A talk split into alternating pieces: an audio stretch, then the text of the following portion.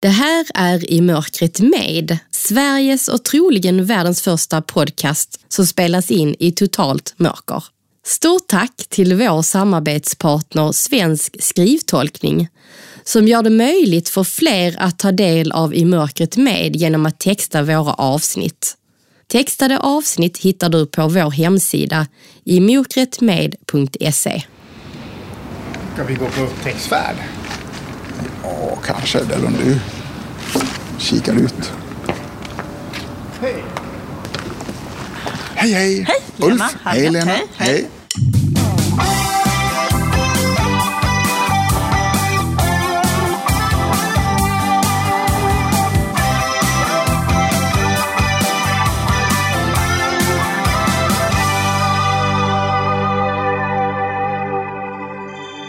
Hjärtligt välkomna in i mörkret till årets sista avsnitt av I mörkret med. Jag som programledare heter Anna Bergholtz. Tusen tack till alla er som lyssnar på oss och följer vårt arbete. Det betyder jättemycket. I det här avsnittet är det första gången som vi gästas i mörkret av en politiker. Uppvuxen i Kalmar började hon under sin gymnasietid att engagera sig i SSU, Sveriges socialdemokratiska ungdomsförbund. Hon blev senare en av Sveriges yngsta ministrar. Hon beskriver sig själv som lokalpatriotisk och ärlig och säger att hon i sin nuvarande roll är ansvarig för frågor som rör människor i livet när det är som tuffast. Vi pratar om allt det här och bjuder också på en nyhet och en överraskning som kanske kan få en att kasta omkull bilden av att politiker skulle vara tråkiga. Svartklubbens ägare Ulf Nordqvist står som vanligt för livemusik och ljudtekniker är Jan Dahlqvist. Det är inte så att vi avsätter pengar till assistansen för att få pengar över. Tvärtom. Det här är I mörkret med socialminister Lena Hallengren. Jag säger det och hoppas att jag inte spiller för mycket på mig för jag ska gå på en fin middag och dela ut medaljer till folk som har jobbat 30 år i statlig tjänst. Det hoppas jag också det. Men du, det är inte så mycket du ska Nej. ta i, ta i dig nu. Utan det är, Nej, det, är lite, det är bara några små saker. Men visst, det är bra om du inte slår omkull drycken. Ja, det vore Det är väl egentligen det, är det enda hotet skulle jag säga. Ja. Du, vi går in. Ja. Och välkommen till Svartklubben.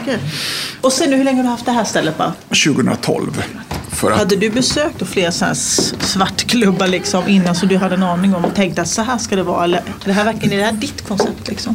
ja, nej, ja, nej, ja det, alltså på sätt och vis är det mitt koncept, på sätt och vis inte. Det är ju det är alltid någon slags delad, delat koncept. Det som, som är tillagt i Sverige i förhållande till resten av världen är att vi, vi gör ju musik också samtidigt under sättningarna. Så att vi gör liksom en, en mat och musik i mörker är grundkonceptet här. Jag har ju så jävla dåliga skor på mig med superhög klack. Ja, Känns men det det- lugnt eller? Vi kommer inte gå på något sådär kant eller så för då kan jag Nej. bli strump. Vi ska inte gå på, nu ska du gå på en matta däremot. Ja, just det, det känner jag. Ska vi smyga bort här. Vi har bara en... Det är Eh, verkligen svart du. ja, Det är inte bara lite svart. nej, det är svart det är på riktigt. Nu börjar vi närma oss det bord vi ska slå oss ner vid, eller som du ska slå dig vid. Hur hittar folk sin plats här? Och du har ett show med att liksom leda Ja, folk. jag, nej, men det, jag gör som jag gör med dig. Nu kom, det här är ditt bord som du känner lite framför dig nu. Och så ska du in längst in här borta. Sätter din hand på stolen. Och eh, om du känner lite försiktigt framför så, nu, framför ansiktet så har du en mikrofon. Den är bra att du vet var den är. Där är det puff. Ja, men sådär. Mm. Men då lämnar jag er, Anna och Lena. Ja, Hej. Lena! Hej Anna! Nu kommer min hand här, ska vi se om vi hittar varandra. Hallå, Där, hallå. hej, Hej, välkommen! hej. Tack. Hur känns det? Det är mörkt. Ja, det är det va? ja. Ja. ja, verkligen. Är det första gången du är på ett sånt här ställe? Ja, det är det. Absolut. Premiär? Men du Ja. hänger här en del. Ja, jag hänger ju här en del när jag gör podden. Just det, gör du alltid den här då eller? Den gör vi alltid här, precis där vi sitter just nu. Så sist, eh, den personen som satt på din plats, det var Stina Dabrowski. Och nu är det du, så att eh, nu, det är första gången vi har en politiker här. Mhm. Men det känns jättespännande. Ja, det är jätteroligt att ha det här, verkligen. Vad har du för förväntningar då? Ja, men jag tycker det ska bli jättespännande. Jag tänker att det här är liksom, det är inte så här att man gör den här intervjun en, en i veckan utan just att det blir annorlunda, lite nytt. Ibland kan man ju som politiker känna att man gör lite samma saker. Lite samma besök, lite samma samtal, du vet sådär. Men det här känns som att det blir något nytt. Att det blir på ett annat sätt. Ha, Lena Hallengren, om du berättar med egna ord vem du är, vad skulle du säga då? Jag är, eh, jag är förvisso socialminister, men jag är också eh, tvåbarnsmamma från Kalmar. Där jag bor och lever tillsammans med min man och eh, våra två barn och en hund. Utbildad lärare i botten, eh, men håller på med politik hela mitt vuxna liv. För jag tycker politik är fantastiskt viktigt, spännande och oftast roligt. Oftast roligt. Inte alltid eller? Nej, det finns ju absolut stunder och tider och dagar då politik är både tufft och inte alltid liksom hoppfullt, men det vänder ganska snabbt. Vad är det som är roligt med politik då? Nej, men det som är roligt är ju möjligheten dels att lära känna väldigt mycket människor. Se många olika verksamheter. Jag brukar säga att jag, jag skulle aldrig liksom ha träffat så många människor, liksom förstått hur vårt samhälle funkar. Ehm, jag skulle nog själv ha varit en mycket Nej, men jag tänker att det gör mig till en, en bättre människa faktiskt i grunden, att man lär av, av många andra. Eh, och det är ju en förmån som politiker att få se väldigt mycket. Man möts på något sätt inte för att man bara har barn i samma ålder eller för att man jobbar på samma arbetsplats, utan man, man möter människor för att man delar en ideologi eller en idé eller en ambition. Och vi ska ju prata mer om, om ditt jobb här alldeles strax, men, men du då, dina egenskaper, om du skulle beskriva dem? Och det beror ju väldigt mycket på vad man tänker på. För någonstans så plockar man fram vissa egenskaper, tänker jag, kanske i det privata och andra i min liksom, politikerroll. Ehm, jag försöker, jag är väldigt, jag tycker att jag är en rätt omtänksam person. Ehm, väldigt familjekär. Ehm, lokalpatriotisk. Liksom i det privata på något sätt. Men sen är jag väldigt Nej, men jag är ganska målmedveten och jag är eh, ganska ärlig. Brukar säga vad jag tycker och tänker. Vilka av de här egenskaperna är extra viktiga att ha när man är politiker i din roll, tänker jag? Nej, men att vara rätt, att vara ärlig och att, att faktiskt säga vad man tycker och tänker. Det är säkert många som lyssnar och tänker att det gör ju aldrig politiker, men, men jag tycker faktiskt att jag både försöker och jag tycker att man kan det. Sen är det ju alltid en fråga om man kan inte säga precis allting hela tiden, men att liksom ändå utgå ifrån vad man, vad man själv tycker och tänker och har för uppfattning. Någonstans är det därför jag är, är folkvald, liksom, mm. för min uppsättning idéer men också för, för den jag är. När skulle du säga att du trivs som fisken i vattnet då?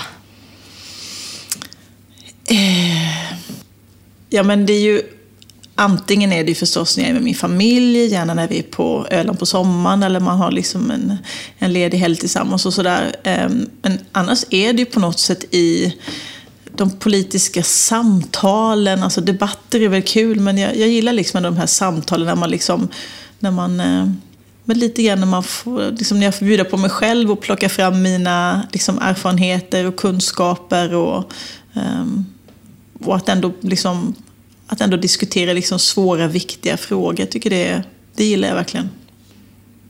Sen har jag förstått att du också har en stor kärlek till musik. Eller hur? Ja, men jag gillar musik. Jag är du... ingen bra, om du, om du spelar upp liksom fem låtar och frågar vem som har skrivit dem och sådär, då är jag väldigt dålig på det. Men jag gillar att, att sjunga och jag gillar att, um, ja, jag gillar musik, liksom, man blir glad av musik. Ja, för jag hörde här att eh, du har sjungit i riksdagskören tidigare. Jag ska, jag ska bara liksom modifiera det lite, lite. Därför att riksdagen har en kör ja. som är väldigt mycket tjänstemän och så. Sen har Socialdemokraterna en egen kör. Ah. Med faktiskt en professionell körledare och sådär som jag var med i. Eh, så vi sjöng. Då fick man liksom ändå lite, lite uppdrag att sjunga i olika, lite olika sammanhang som Socialdemokraterna har haft under jul och, och sommaravslutning och sådär. Jättekul. Ja, kan du tänka dig att sjunga här med lite Ulf senare idag då? Ja, man vet aldrig. Man vet aldrig. Vi har ju här Ulf som är musiker ja, med. Han är ju jättebra. Ja. ja. Vi frågar om vi ska ta in Ulf och få in lite ätbart och drickbart. Mm. Innan vi fortsätter här. Jag sa det, jag får ju försöka inte spilla för mycket nu för jag ska dela ut en jättefin medalj här sen till folk som har jobbat 30 år i statlig tjänst. Så skulle det vara tjusigt om man... Och vad jobbigt ja. Ja, precis. Att jag ska... Du får man, man får liksom ingen typ av så här servett eller någonting som man kan hänga framför sig. Får man det Det, Ulf? det, det kan jag lösa. Skulle jag kunna få det? Det skulle du kunna få. Men först får du en öppnare. Och sen får du en flaska. Mm. Och till det ska du få ett glas som jag ställer alldeles bredvid här också. Och så skickar vi Du ska dela ut medalj sen alltså? Ja. Du fick också där. Men du vill inte ha min öppna Anna eller? Eh, jo, det vill jag nog. Nu ska vi se om vi hittar varandra. Ska se. Där fick jag. Där. Var är du? Där. Ja, du, hittade, du öppnade snabbt där ja. Men jag fick det ändå i handen. Och titta, du häller upp där bra. Inte Ti- på dina Titta var väl att ta i kanske men... Ja. Man säger ju det, alla sådana där ord ändå, fast man inte tittar Lena, här får du fyra servetter så får du väl försöka sk- skapa. Precis, jag tänker jag har dem i knät så, så vet jag var jag har dem. Det finns ju en väldig fördel med att det är mörkt nu och det är ju att man kan ju, man kan ju stoppa in de här servetterna på lite olika Det går kläs utan att någon tycker att det, att det syns. Jag kommer inte ha servetten så här när jag delar ut Känn medaljen. dig fria, det gäller att du inte glömmer bort det nu bara. Nej, sen. precis. Nej, precis, det är ju så. Så när man går ut Men jag kommer med en skål till dig här också. Som du kan Ja. undersöka lite och se om du hittar något igen. Ja, okej. Det är servetten. tar jag där också, tack. Jag vet inte om du vill börja känna på det du har i skålen eller om du ska... Det, det är ju typ bara någonting. Ja, det är säkert någon marsipan. Ska jag, ska jag smaka på det? Ska jag bara känna på det? Vad, vad känner du eh, vad det är för någonting då? Jag tror att det är en sån här typ eh, tomte i marsipan. Det var ju jättebra gissat. Hur kände du det då? Vad är det Jag du känner? känner, nej, men jag känner konsistensen, liksom, att det känns lite hårt. Och så känner man luvan och sen kan man ju tänka att det snart är jul. Man får ju liksom... En påskhare hade varit lite att ta i tycker jag. Ja. Ja. Den där servetten får vara. Jag tror inte du blir kladdig av det här. Nej, jag Ja. kände det också. Det var Ja. inte soppa precis. Nej, det var inte det. Jag var snäll där. Jag tar en bit av min tomte, ja. Jag fick du få dricka då. Det är väl en must, va? Eller? Vad för must? Den är lite smaksatt faktiskt. Mm. Smakar inte bara julmust tycker inte jag, men det kanske jag... Ulf, är det bara julmust? Det vet inte jag. Eh, det är det. Det är det, ja. Mm. ja det där gissar du bra, Lena. Vi hade Annika Lantz här förra året och hon gissade inte att det var julmust kan jag säga. Nähä. Hon trodde att det var pommac. Jaha. Men jag tyckte att den hade någon annan... Jag vet, ibland har man julmust med någon, någon liten touch av någonting, men det var det inte. Ja, det luktar väldigt speciellt också med julmust. Ja, det gör det. Eh, Jag tänker, eh, ni jobbar ju väldigt mycket, ni ministrar. Jag gjorde ju faktiskt praktik på socialdepartementet för många år sedan. När Berit Andnor var socialminister. Ja, då var jag förskoleminister. Ja, det var så ja. Eh, Och då fick jag ju se hur hårt ni jobbar och att ni i princip aldrig är lediga och så. Är, är du, kommer du vara ledig något till jul? Hur ser Ja, det, det, ut det för er? hoppas jag. Um, nej, men det är klart att man kan liksom inte helt checka ut, men, men uh, lite behöver man ju ändå liksom verkligen...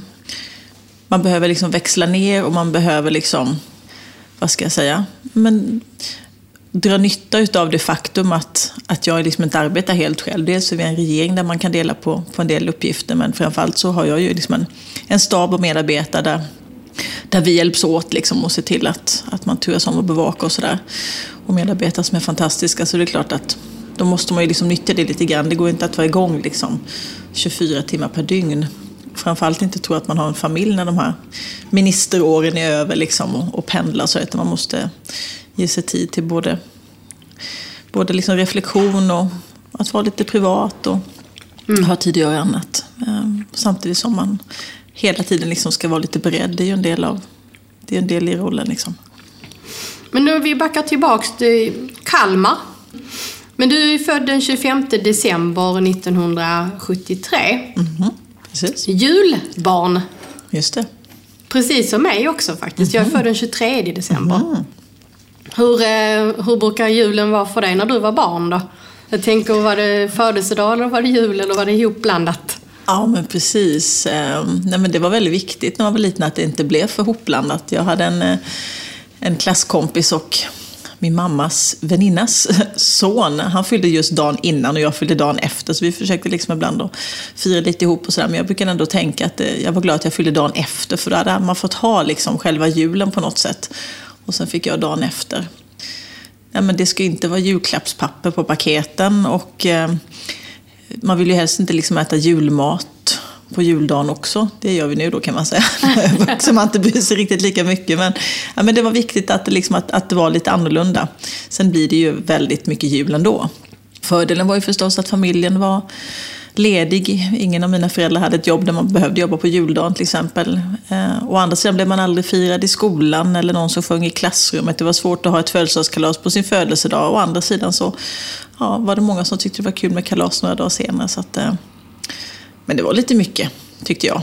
Liksom att, att eh, hela julen och så födelsedag, det kunde bli lite... kunde man vara lite utschasad på kvällen. Men hur, eh, hur skulle du beskriva dig själv som barn? Det Ja, man är ju barn till man är 18, men jag tänker att jag var väl ingen idrotts... Liksom, jag var inte, var inte med i varenda idrottsförening som fanns, men jag gillade gymnastik och jag gillade, eh, gick på kulturskola man, med kompisar. Man, någonstans tänker jag att det är svårt för mina barn idag riktigt att förstå liksom hur det var, men man var ju liksom ute i området, man lekte kurragömma, man, liksom, man var ganska många på sätt. Man hade några kompisar, men man var framförallt ganska många liksom, som, som hängde ihop och sådär. Ganska ordentlig. Eh, På vilket sätt? jag tyckte att det var kul att gå till skolan och tänkte redan när jag var 7-8 att jag skulle bli lärare och lite sådär. Nej, vad ska jag säga mer? Ganska vanlig. Det var väl ingenting som stack ut sådär, sådär nämnvärt. Men hur, hur eh, kom du in på politiken då? Var det tidigt eller hur? eh? Ja, det kan man verkligen undra egentligen. Ehm, men lite hänger det ihop med det som jag sa, att jag inte var en sån här idrottsperson. För någonstans så väljer man kanske lite bana ändå. Vad är det som ska få ta... Liksom, vad, ska, vad ska man lägga sin tid på som inte nödvändigtvis handlar om... um, som inte nödvändigtvis handlar om liksom, skola och, plugg och sådär. Utan man vill liksom ha någonting annat. Så att, eh, det var inte jättetidigt, tyckte inte jag. Men det kan man ju tycka i så här i backspegeln. Jag har varit med i väldigt många år nu. Men, men jag gick i tvåan på gymnasiet, vad är man då? 16, 17? Då gick jag med, 17 och då gick jag med i SSU. Då hade jag kompisar som var politiskt aktiva i olika politiska ungdomsförbund. Så det var liksom inte bara ett. Men för mig var det väldigt självklart liksom vad jag ideologiskt hörde hemma. Vilka värderingar som, som jag liksom som jag kände var jag. Ehm, med den uppväxt jag hade, tänker jag.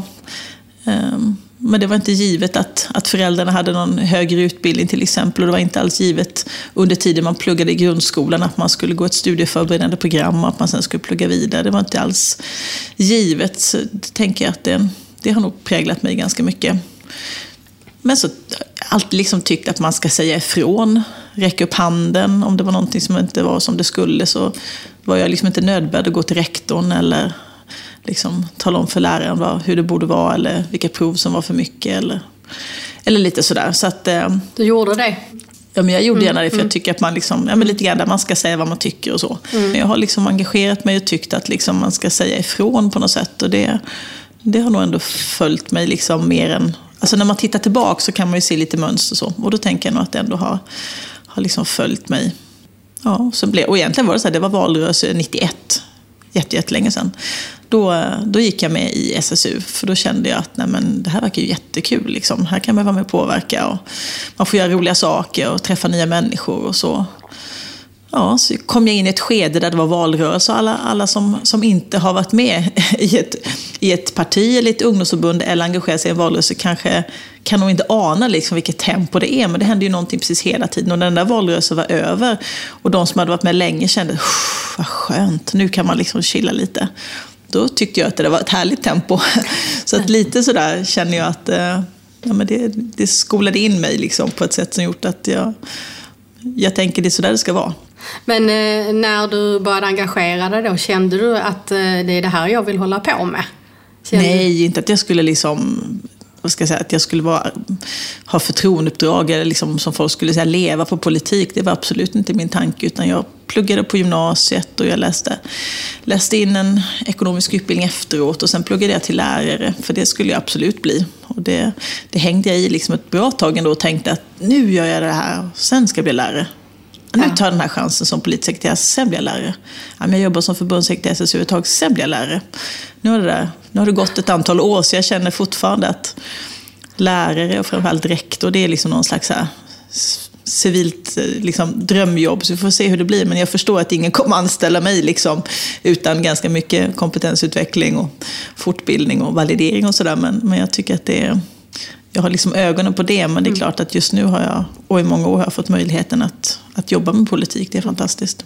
Socialdemokratin, det var ett liksom självklart val. Och mm. när du kom in då i partiet och engagerade dig i SSU, kände du då att du hade hamnat rätt? Ja. Ja, men det som, återigen då, det är inte så att vi alltid tycker lika om allting bara för att man är socialdemokrat eller bara för att man är med i samma förening och sådär. Men, men i väldigt mycket, och det där tänker jag att många som är utifrån eh, kan fascineras och kanske vara lite förundrade över hur kan man liksom köpa ett helt paket, hur kan ni gilla precis allting? Men man, man har någon slags så grunduppfattning, det är det som är ideologi, att liksom känna att det är den här riktningen vi ska gå. Så kan ju vi sitta liksom idag på, liksom, på socialdepartementet, de som är politiskt anställda till exempel. Och sen så dyker det upp en fråga och så liksom landar man ganska lika utan att ha pratat med varandra eh, och utan att man kanske kan varenda detalj. Men man har liksom en känsla för liksom vart man är på väg. Och sen är det jätteviktigt att man är lite olika sen. Att någon säger att ja, fast så här tänker jag och med min erfarenhet så, så tänker jag att vi skulle göra lite mer så här. Men att man i grund och botten liksom förenas av en idé om vilket samhälle man vill ha och vad som leder dit och inte. Det, det är ju väldigt stimulerande liksom, att, man, att man vet att man delar den grunden, men, men sen kan man eh, lära varandra. Nej, men det är precis som du tänker, för jag har ju tänkt ibland, ah, skulle jag engagera mig politiskt, tänker jag, vilket parti då? Nej, nej men där de tycker så, det håller jag inte med om. Och där, nej, man skulle väl ha lite av varje. så, ja, så. Jo, men så, om man tänker man sakfrågor så är det klart att liksom, nu försöker jag hälla upp läsken, det går ganska bra. Det går bra. Ja. Eh, nej men det är klart att eh, man tycker inte exakt lika om allting. Men, men eh, utan att liksom dra hela sossarnas partiprogram så är det ändå så att om man, vill man ha ett samhälle som, som är jämlikt, där människor får lika förutsättningar, då har jag till exempel väldigt svårt att se hur väldigt mycket marknadslösningar egentligen liksom passar in när man ska bygga välfärd. Om var och en ska liksom få efter behov och man ska betala efter förmåga och sånt, så bygger det ändå på att man har man måste liksom våga styra det. Man kan ha olika aktörer, privat och offentligt, men man kan inte bara lägga det på den enskilde att göra sina val. Så kan man säga att ja, men alla får samma möjlighet att välja när jag vet att vi i grund och botten inte har samma förutsättningar. Att det påverkas av ens föräldrar, inte av bara mig själv, vem jag är, vad jag vill, utan det påverkas väldigt mycket av hur ja, men vilken bakgrund, både etnisk, ekonomisk, socioekonomisk, vilken utbildningsbakgrund föräldrar, vart i landet man är uppväxt och så vidare. Så att allt det där vill jag liksom, det känner jag att det, det måste liksom gå först på något sätt, att försöka minska de här skillnaderna och ge människor, barn och unga lika förutsättningar. Och då förenar det mer än många andra saker. Men eh, jag tänker, är det inte knepigt nu då efter januariavtalet, där ni bland annat har fått komma överens om vissa saker som Socialdemokraterna egentligen inte står för värderingsmässigt från början. Ja men så är det att om vi hade fått bestämma allting själva hade vi ju inte gjort det sådär och det har ju många hört sägas flera gånger. Eh, men ändå är det så att det är, det är bra länge sedan eh, som, som något parti i det här landet, om ens någonsin, fick bestämma allting själv. Politik är ju på något sätt att, att vilja någonting för egen del och för sitt partis del. Och sen så måste man liksom fundera på vad, vad, är sättet att få så mycket socialdemokratisk politik som det bara är möjligt. Och i det här fallet i januari när vi skulle, efter den här hela långa övergångsregeringen, vilket var en för bedrövlig tid verkligen, att bara liksom gå omkring och göra ingenting och så här, liksom, händerna är bakbundna. Mm. Eh, så är det ändå så att då, då sitter man i ett läge och så tänker man, ja fast blir det mer och bättre blir det mer socialdemokratisk politik? Blir det ett bättre samhälle? Blir det mer av yttrandefrihet och liberal demokrati? Blir det mer av välfärd om, om MKD, SD får styra? Det tror jag definitivt inte. Det samhället vill jag inte ha. Då måste jag fundera på vad, vilka alternativ står till buds för mesta möjliga socialdemokratiska politik. Och då är det det som vi just nu har. Sen är inte det min, det är inte liksom min dröm att vi alltid ska ha den här typen av konstellation. Fast å andra sidan så jobbar jag ju väldigt hårt för att vi ska få det att funka, för att vi ska hitta gemensamma lösningar. Och i många fler fall än vad många tror så så är det så att man lär av varandra. Att det faktiskt är så när man möter någon med lite öppet sinne så kanske man förstår varandra lite bättre. Skulle du säga att eh, du har eh, ändrat en del av dina åsikter också efter att ha samarbetat med de andra partierna? Det är nog att ta i. Det kan jag nog inte säga att jag har gjort. Men, men, liksom, men liksom, och när man kommer till detaljfrågor Mm. Alltså, man ska man diskutera välfärden på stora hela? Eller, jag tycker fortfarande att vi ska prioritera resurser till välfärden före skattesänkningar. Mm. Liksom, man kan, man kan liksom älta den här eh, värnskattens borttagande, eh, för den, den, det svider verkligen. Nu vet ju vi att oavsett vilket alternativ som hade liksom blivit verklighet så hade det blivit en avskaffad värnskatt, för det var liksom alla överens om på något sätt på högersidan. Men det svider väldigt mycket. Å andra sidan så gäller det verkligen att se till att, att vi gör alla de andra sakerna, att vi framöver, i det som inte liksom är fastslaget än, att vi prioriterar välfärden. Sju dagar i veckan. Eh, jag tänker att vi ska komma in på lite mer så konkreta politiska frågor om en liten, liten stund. Mm. Men eh, vägen till eh, din socialministerpost idag. Mm. Du började engagera dig i SSU under gymnasietiden. Mm. Hur har det sett ut sen vägen dit där du är idag? Ja, det, det, kan ju lätt bli så att rabblande av olika uppdrag, men jag började vara aktiv lokalt. Ehm, hemma i Kalmar och i en krets som det fanns då, i ett län. Och också parallellt med det lite grann i, i det socialdemokratiska partiet lokalt. Ehm, där SSU försöker föryngra och förbättra och förnya och sådär. Och sen så började jag engagera mig nationellt i SSU och satt i den förbundsstyrelsen och var förbundssekreterare tillsammans ehm, tillsammans med eh, förbundsordförande Mikael Damberg som numera är justitie eller inrikesministern. Eh, så det var liksom ett antal år. Sen kan man väl säga att hade jag då inte fått frågan av Göran Persson om att bli, bli statsråd, förskole och ungdomsminister 2002 så eh, är det väl inte alls så sannolikt att jag hade suttit här idag, utan det var väldigt avgörande. För det gjorde ju att jag på något sätt gick från SSU, ungdomsförbundet, och, till nationell politik. Och då blev du också eh, den dittills yngsta ministern, eller hur? Mm. Vi, vi, är ju några stycken som slåss om det där med några månader hit och dit kan man säga. Ulrika Messing var, var ung och jag var liksom lika ung och sen kom Aida Hadzialic i den förra regeringen. Men det, det har ju varit liksom, ja, det har handlat om månader så att vi, vi var väl alla 28 tror jag när vi blev statsråd. Hur var det att komma dit och, och vara så ung? Det var jättetufft. Det var det? Ja, det var mm. verkligen. På vilket sätt?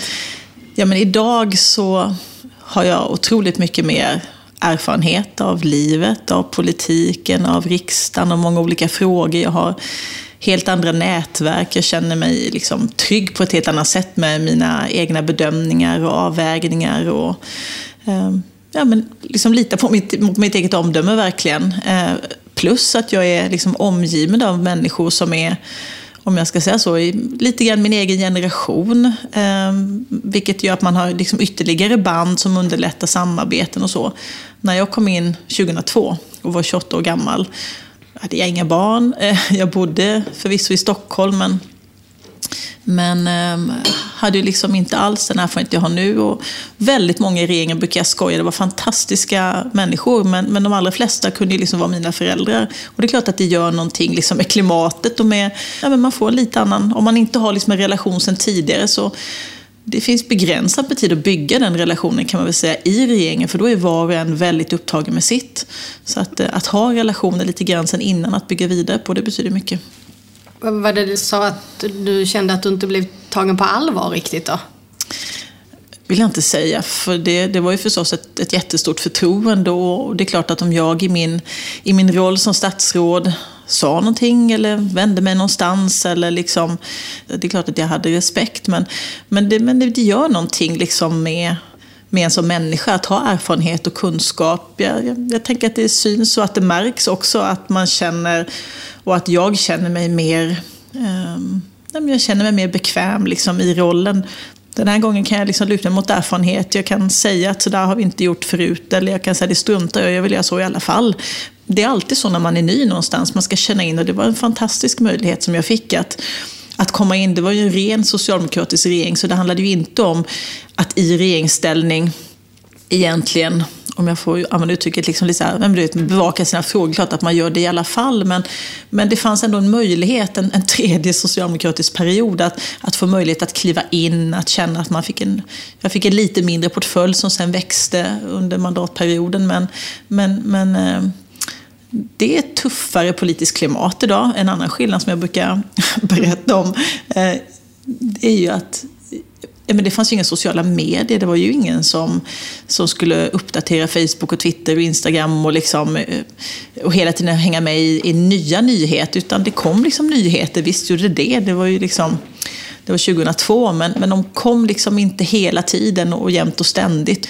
Sociala medier har gjort någonting liksom med det politiska klimatet, med, med sättet vi arbetar på, med långsiktigheten. Eh, den, får, den tar lite stryk skulle jag säga man, man, får arbeta på ett annat sätt som, som politiker, som stab. Man är väldigt påpassad och det är klart att ja, men det finns ju delar av sociala medier som jag tycker är, som jag tycker är liksom lite destruktivt för själva liksom, det politiska samtalet och för samhällsklimatet. Och det är liksom rena ja, men hot och hat och liksom, eh, troll och liksom, allt det där som gör att man det där som man aldrig skulle säga liksom, när man sitter mitt emot varandra. Eller, jag brukar säga att om folk var tvungna att skriva ut det på papper och köpa frimärke och skriva på adressen och lägga på en låda så skulle liksom väldigt lite av de där hårda orden egentligen liksom nå, nå mottagaren. Utsätts du för mycket hot och hat? Jag är väl inte förskonad som någon annan heller. Eh, men eh, resan då vidare från eh, förskole och ungdomsminister? Sen träffade jag min man här i Stockholm så flyttade vi tillbaka till Kalmar och då hade jag Eh, min, eh, min äldsta dotter också, som snart skulle fylla två. Så det passade väldigt bra på något sätt att, ja, men att flytta hem och hon skulle börja förskola och, och lite sådär. Eh, men jag fick också möjligheten att, att stå på riksdagslistan, vilket ju var liksom ett val som jag gjorde för att kunna få fortsätta med nationell politik, men också för att jag ville få representera mitt län i Sveriges riksdag om jag skulle sitta där. Det var liksom det jag kände och kunde och det var det jag tycker att det är det jag kan representera allra bäst. För det är det man gör som, man representerar sin valkrets. Sen satt jag i riksdagen och det var ju en, alltså de första åren var ju förfärliga. Att gå från majoritet till opposition, jag bytte frågor, jag började pendla med små barnen, men det var en ganska jobbig tid faktiskt. Och sen, och sen bytte jag lite olika mm. utskott. Ja. Sen 21 januari är du socialminister. Eh, mm. vad, vad skulle du säga är det svåraste med ditt uppdrag idag? Nej, men det är nog faktiskt det är nog helt klart det, det faktum att som socialminister så är jag ju liksom ansvarig för väldigt mycket av det som, som rör människor i stunder i livet när det är som tuffast, där man verkligen behöver samhällets stöd. Jag tänker på socialtjänst, jag tänker på när man blir sjuk, jag tänker på assistansen, hela LSS, jag tänker på gamla som behöver äldreomsorg, hemtjänst, vi har läkemedel och så vidare. Samtidigt som mycket av den verksamheten du beskrev utförs ju och planeras och finansieras av kommuner och regioner. Så det är, liksom ett, det är ett växelspel på något sätt, en god samverkan, dialog, men där det gäller att liksom hitta vad är staten och liksom det nationellas roll i de här jätteviktiga frågorna där människor samtidigt känner att den ytterst ansvarig är väl alltid socialministern. Och det, jag tycker det är positivt att man sätter sin tilltro till, liksom, till politiken ändå, vilket man gör när man säger socialministern och regeringen. Eh, men ibland får man ju ägna lite tid förstås åt att och landa rätt för att inte, om jag tar över ansvaret rent liksom kommunikativt och i, liksom i debatten på något sätt, fast jag egentligen inte har verktygen för att det är kommunalt och regionalt, då, då, då kan det också bli lite misstag. Så att, eh, det är viktigt att, liksom, att landa rätt det är ju väldigt mycket att jobba tillsammans med kommuner och regioner. Det är inte alltid så enkelt. Eh, och jag tänker samarbetet då också. Eh, du har ansvar för 22 myndigheter. Mm. Eh, och det ska samordnas. Men de här frågorna går ju också in i allt annat. Jag tänker funktionshindersfrågorna, det har ju mm. också med arbetsmarknad och utbildning att göra och så vidare. Mm. Hur fungerar eh, samarbetet, eh, det här övergripande samarbetet när, när det gäller dina frågor med regeringen i övrigt? Eh, nej, men det är ju helt rätt som du säger att eh, till viss del har jag ett, ett övergripande ansvar då, kan man säga när det gäller funktionshinderspolitiken. Jag hade det tidigare när det gällde barn till exempel och också när det gällde jämställdhet i andra exempel. Och det är ju egentligen det är också väldigt svårt, om man nu ska tala om svårigheter. Det är klart att det är svårt, därför att jag kan inte bara eh, liksom peka på andra statsråd och säga vad de måste göra. Men det är klart att det är min uppgift att, att eh, Ja, men att se till att de frågorna liksom hålls levande, att jag lyfter det perspektivet i olika sammanhang när, när regeringen har både överläggningar och när det Eh, det finns något som heter delning och gemensam beredning. Alltså det är otroligt mycket arbete som pågår i regeringskansliet, alltså mellan alla departementen som aldrig syns. Men innan en produkt kommer ut, innan en proposition är klar eller innan ett förslag kan liksom presenteras, när man säger att eh, frågan bereds, det låter ju så här supertråkigt, men det betyder just att under den tiden så pågår det processer som gör att alla olika perspektiv ska vägas in.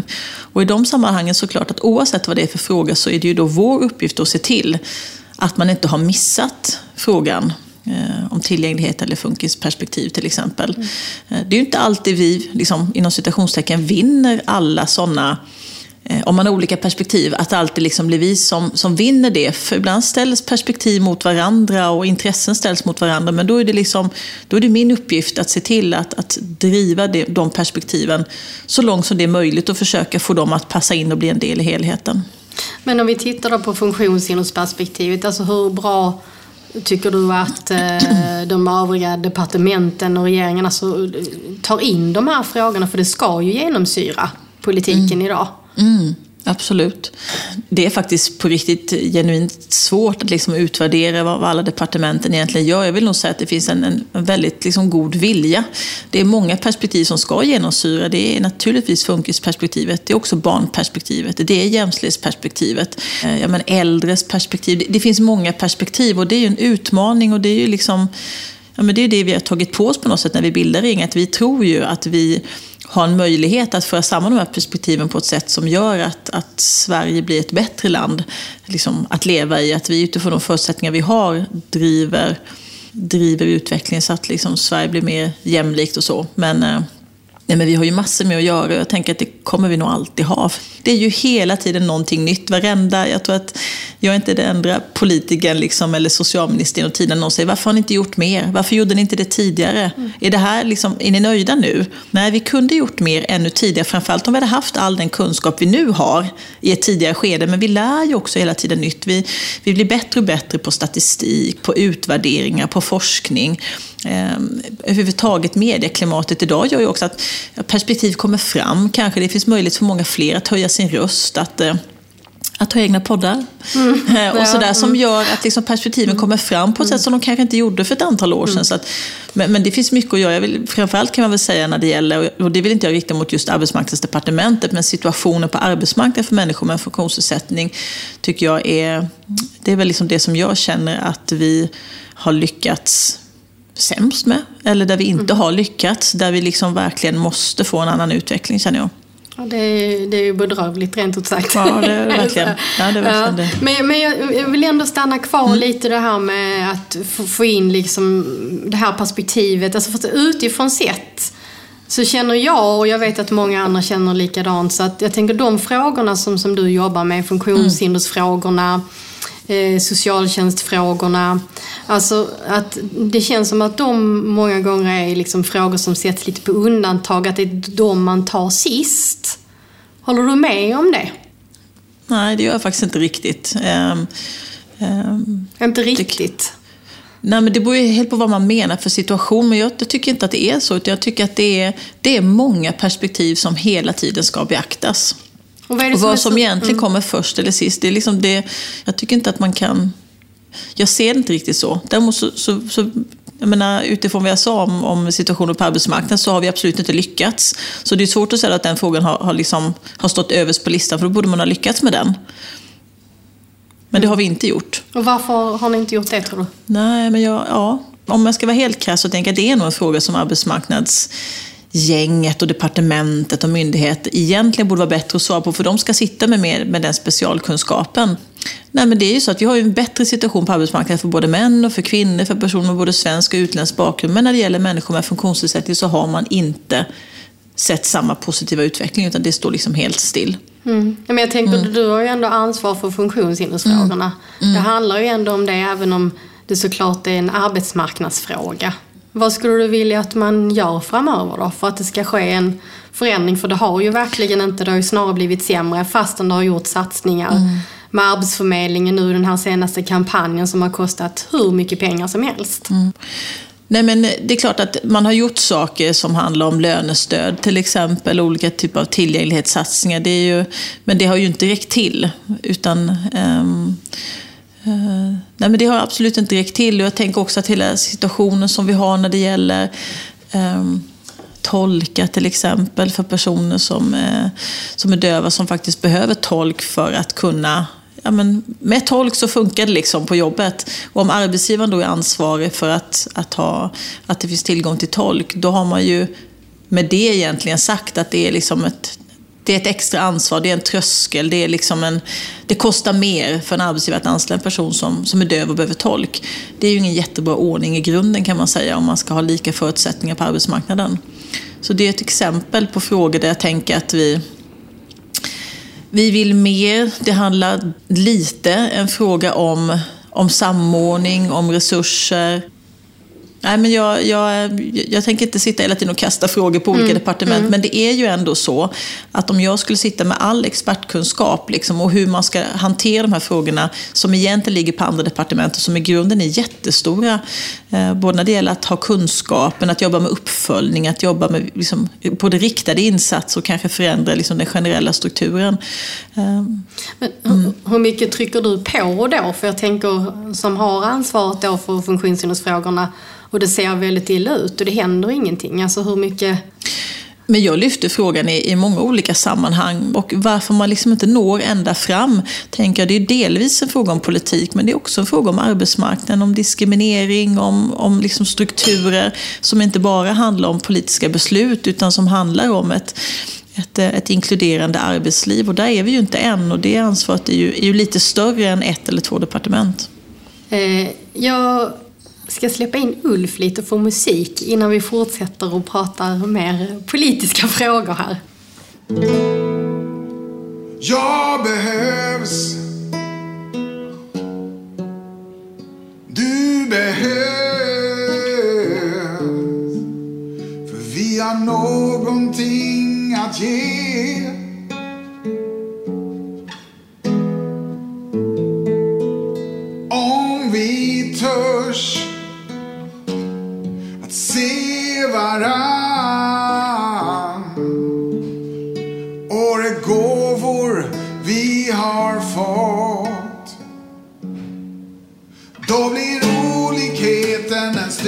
yeah.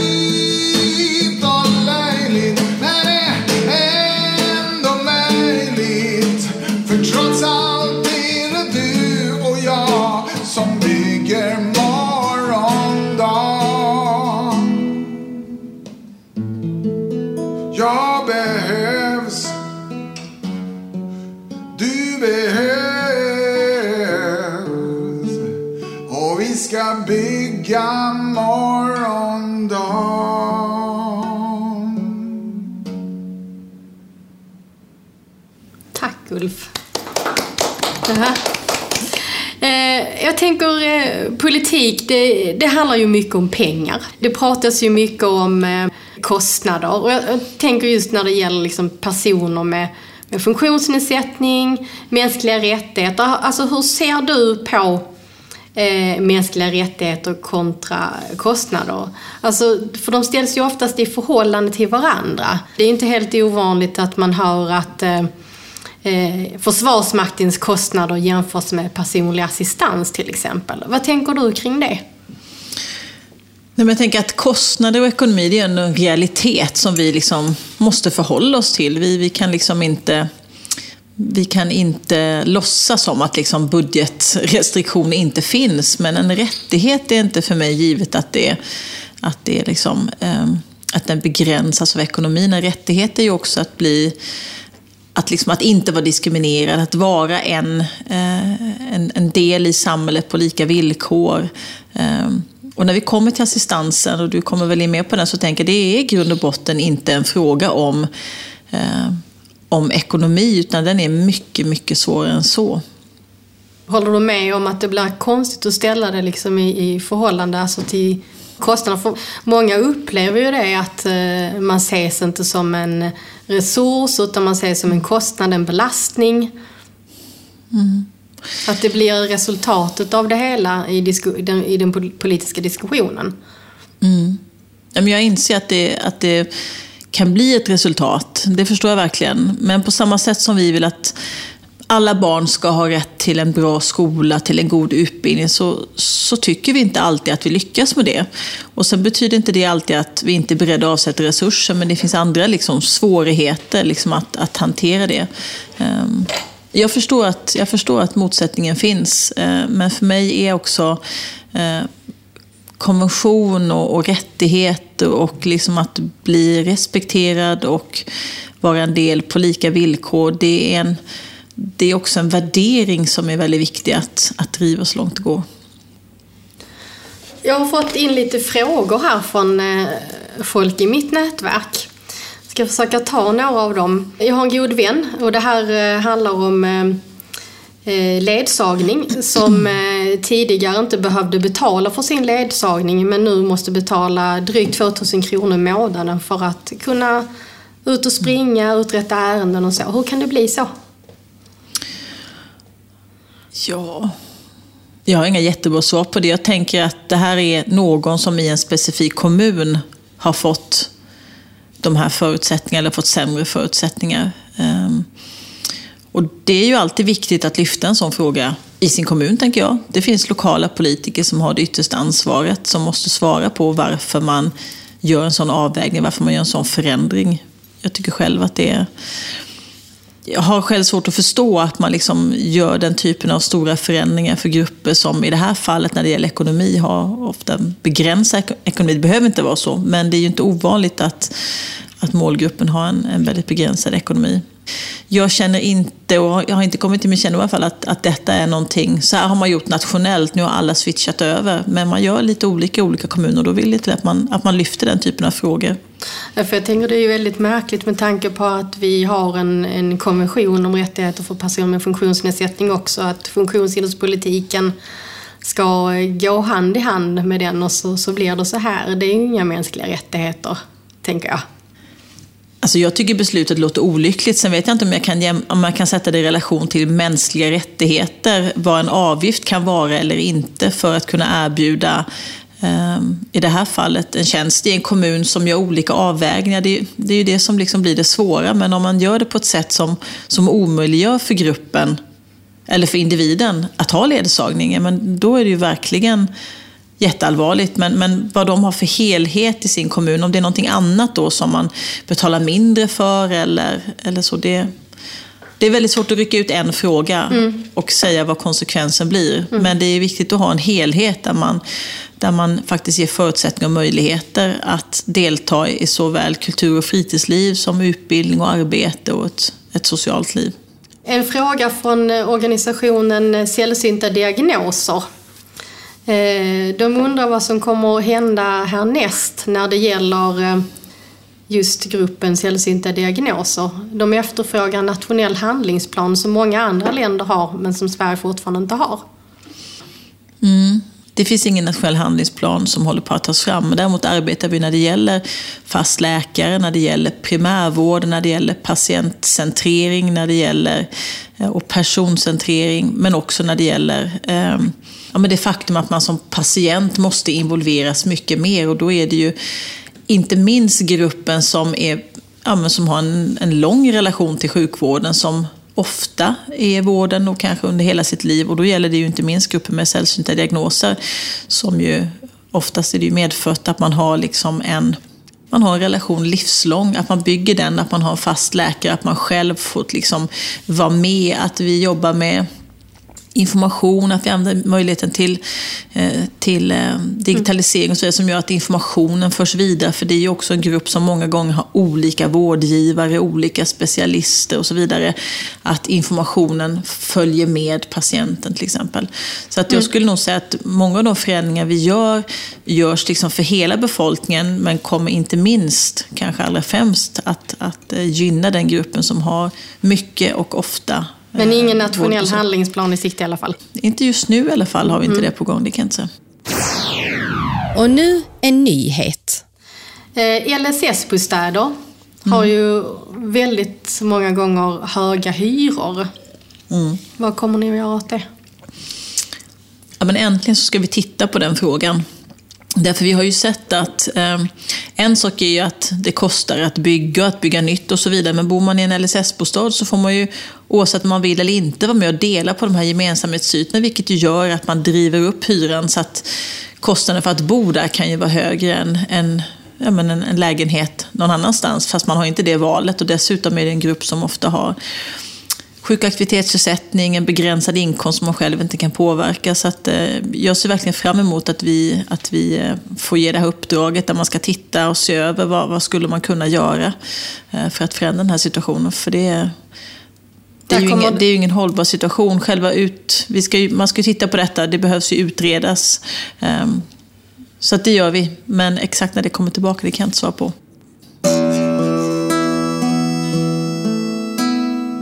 Jag heter Linus Martinell och det är jag som textar avsnitten av I mörkret med. Jag arbetar på företaget Svensk skrivtolkning som inkluderar genom text. Skrivtolkning är en tillgänglighetstjänst för personer med nedsatt hörsel som innebär att man får det som sägs textat i sin mobil, dator eller läsplatta. Vi på Svensk skrivtolkning levererar skrivtolkning, live-undertextning, undertextning och transkribering till flera av Sveriges ledande organisationer. Vill du veta mer? Gå in på vår hemsida www.skrivtolkning.se Textade avsnitt av I mörkret med hittar du på www.imorkretmed.se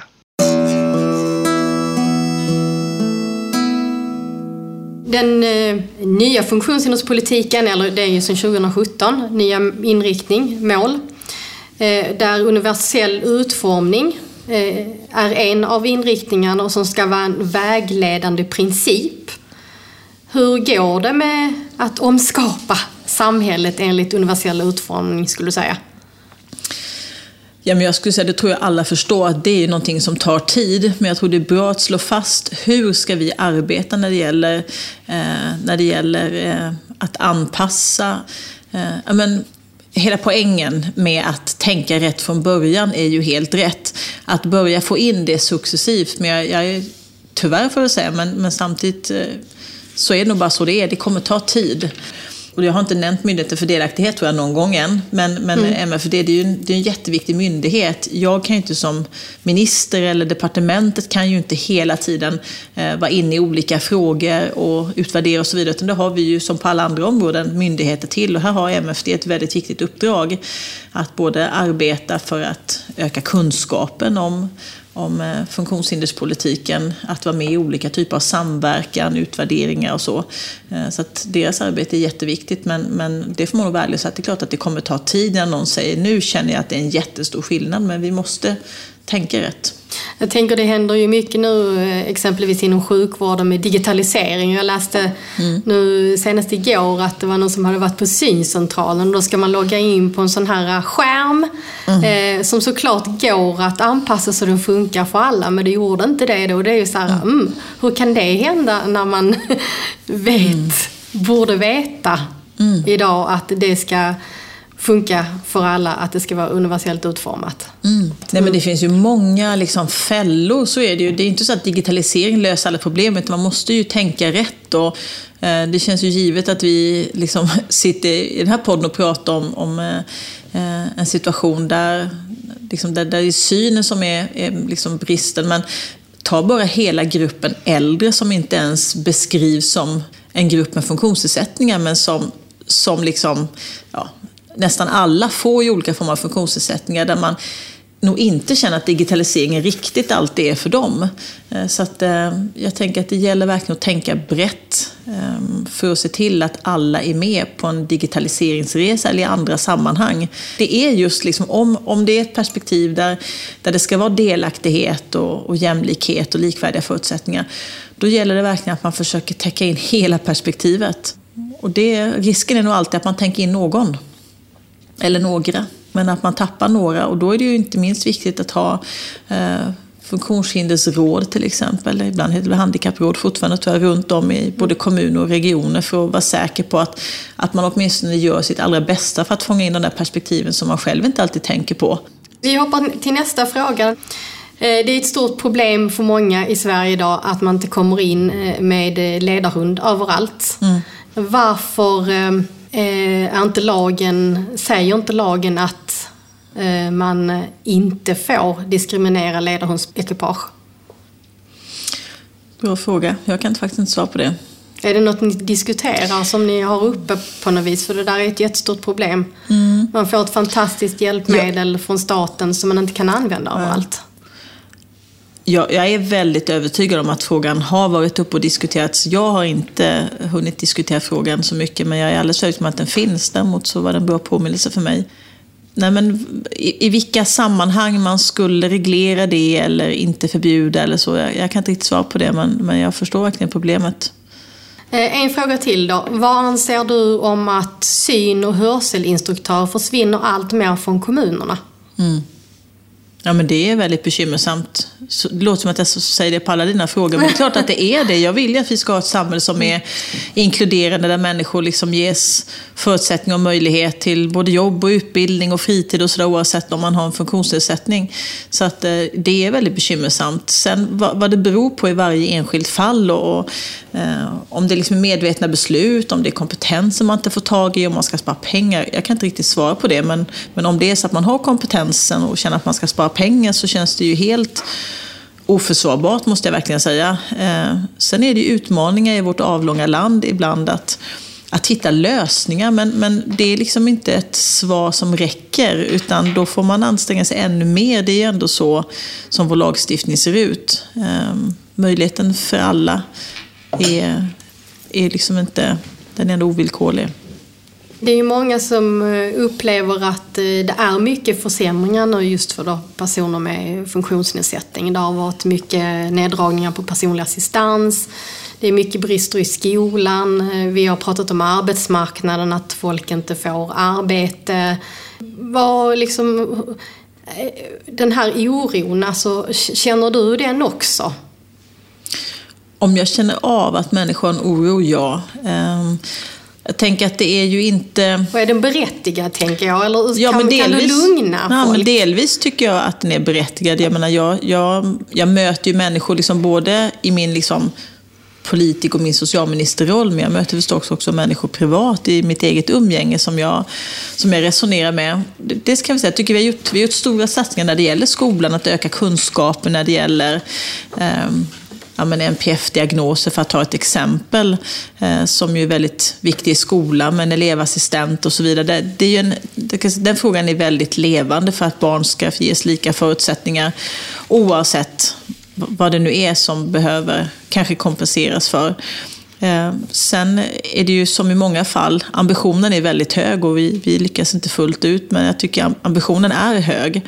Eh, när det gäller arbetslivet så har ju olika insatser gjorts, men det är samma sak där. Jag vet ju till exempel dövtolk som jag nämnde förut, det är ju ett exempel där. Där det är utan tvekan eh, väldigt svårt. Och man, blir, man, blir, man får liksom inte samma förutsättningar på arbetsmarknaden när man har en, ja, men en extra kostnad som man på något sätt bär med sig till arbetsgivaren. Eh, Kommer ni se över det då? Vi håller på att titta lite grann på det där. Jag mm. känner mig inte mm. helt eh, redo liksom att säga någonting mm. om det. Men det är klart att vi är väldigt väl medvetna om den situationen.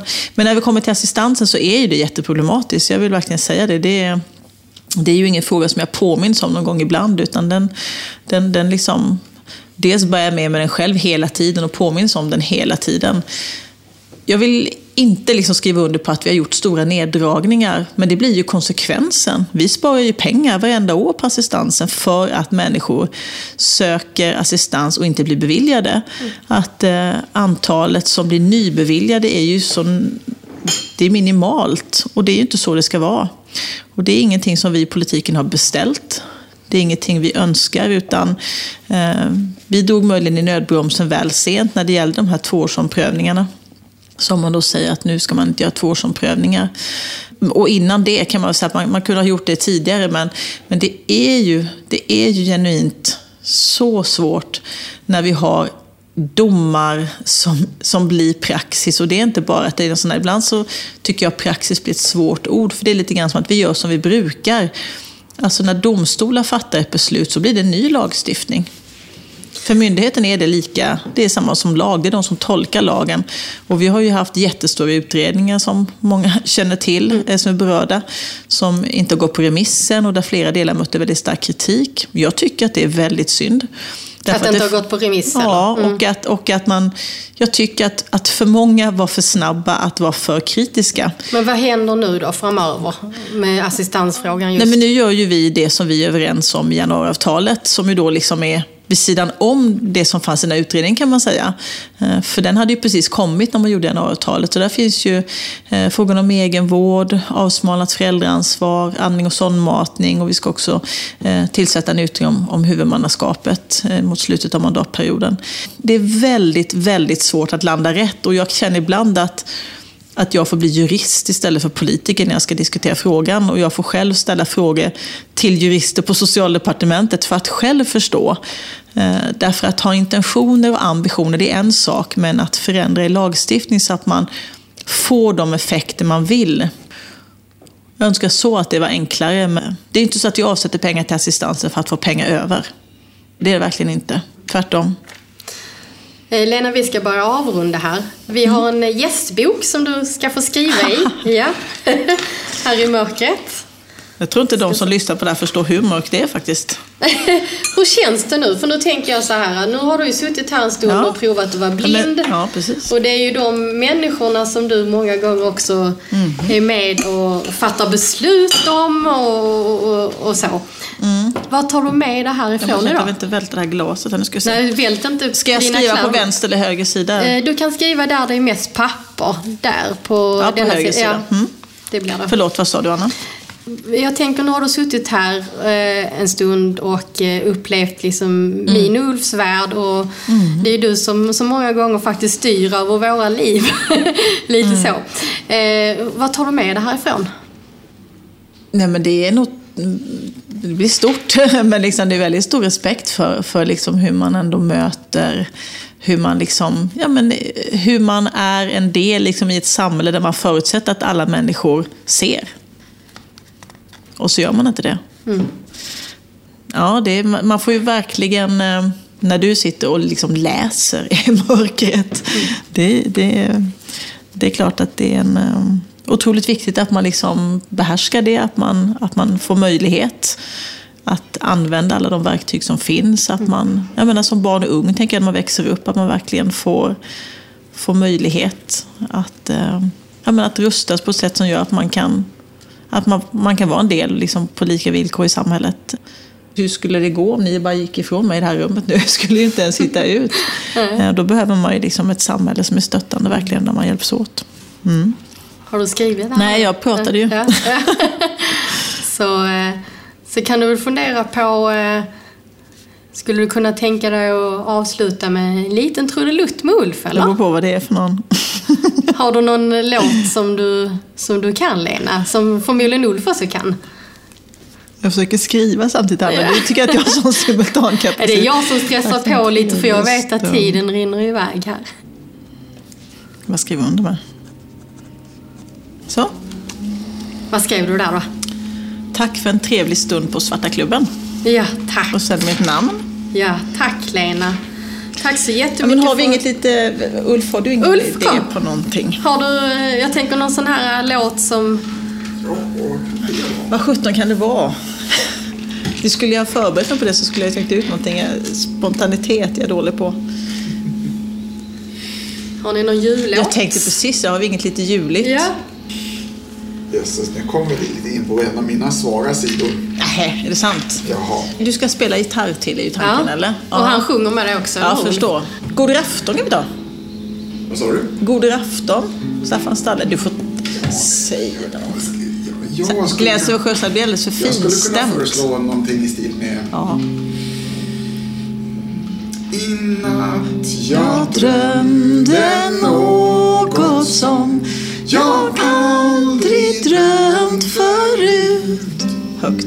Ja. Jag drömde det var fred på jord och alla krig var slut. Jag drömde om en jättesal där statsmän satt på rad. Så skrev de på ett konvolut och reste sig och sa Vad vill du ha den istället då? det Nej, vänta, det blir jag. Vad ska vi ta då? då? Ska vi vara där istället? Ja, det blir bra. Det... Ska vi börja om eller? Nej, vi kan fortsätta där vi var. Det finns inga soldater va? Det finns inga soldater mer. Det finns inga gevär Och ingen känner längre till det ordet militär. På gatorna gick folk omkring och drog från krog till krog. Och alla drack varandra till och dansade och log. Ja. ja fin Fint avslutning. Ja. Så om du skulle tröttna på att bli socialminister Lena så kan du säkert bli musiklärare. Ja. Tack för att du lyssnat. Gillar du I mörkret med och vill stötta vårt arbete? Det bästa du kan göra då är att betygsätta oss där poddar finns och skriv gärna en recension. Och är du nyfiken på vad som händer mellan avsnitten så följ och gilla oss på Facebook. Kontakta oss gör du på e-post hej snabela imokretmed.se och hemsida är imokretmed.se. Och med det sagt vill vi önska alla er goda helger och vi är tillbaks igen om fyra veckor.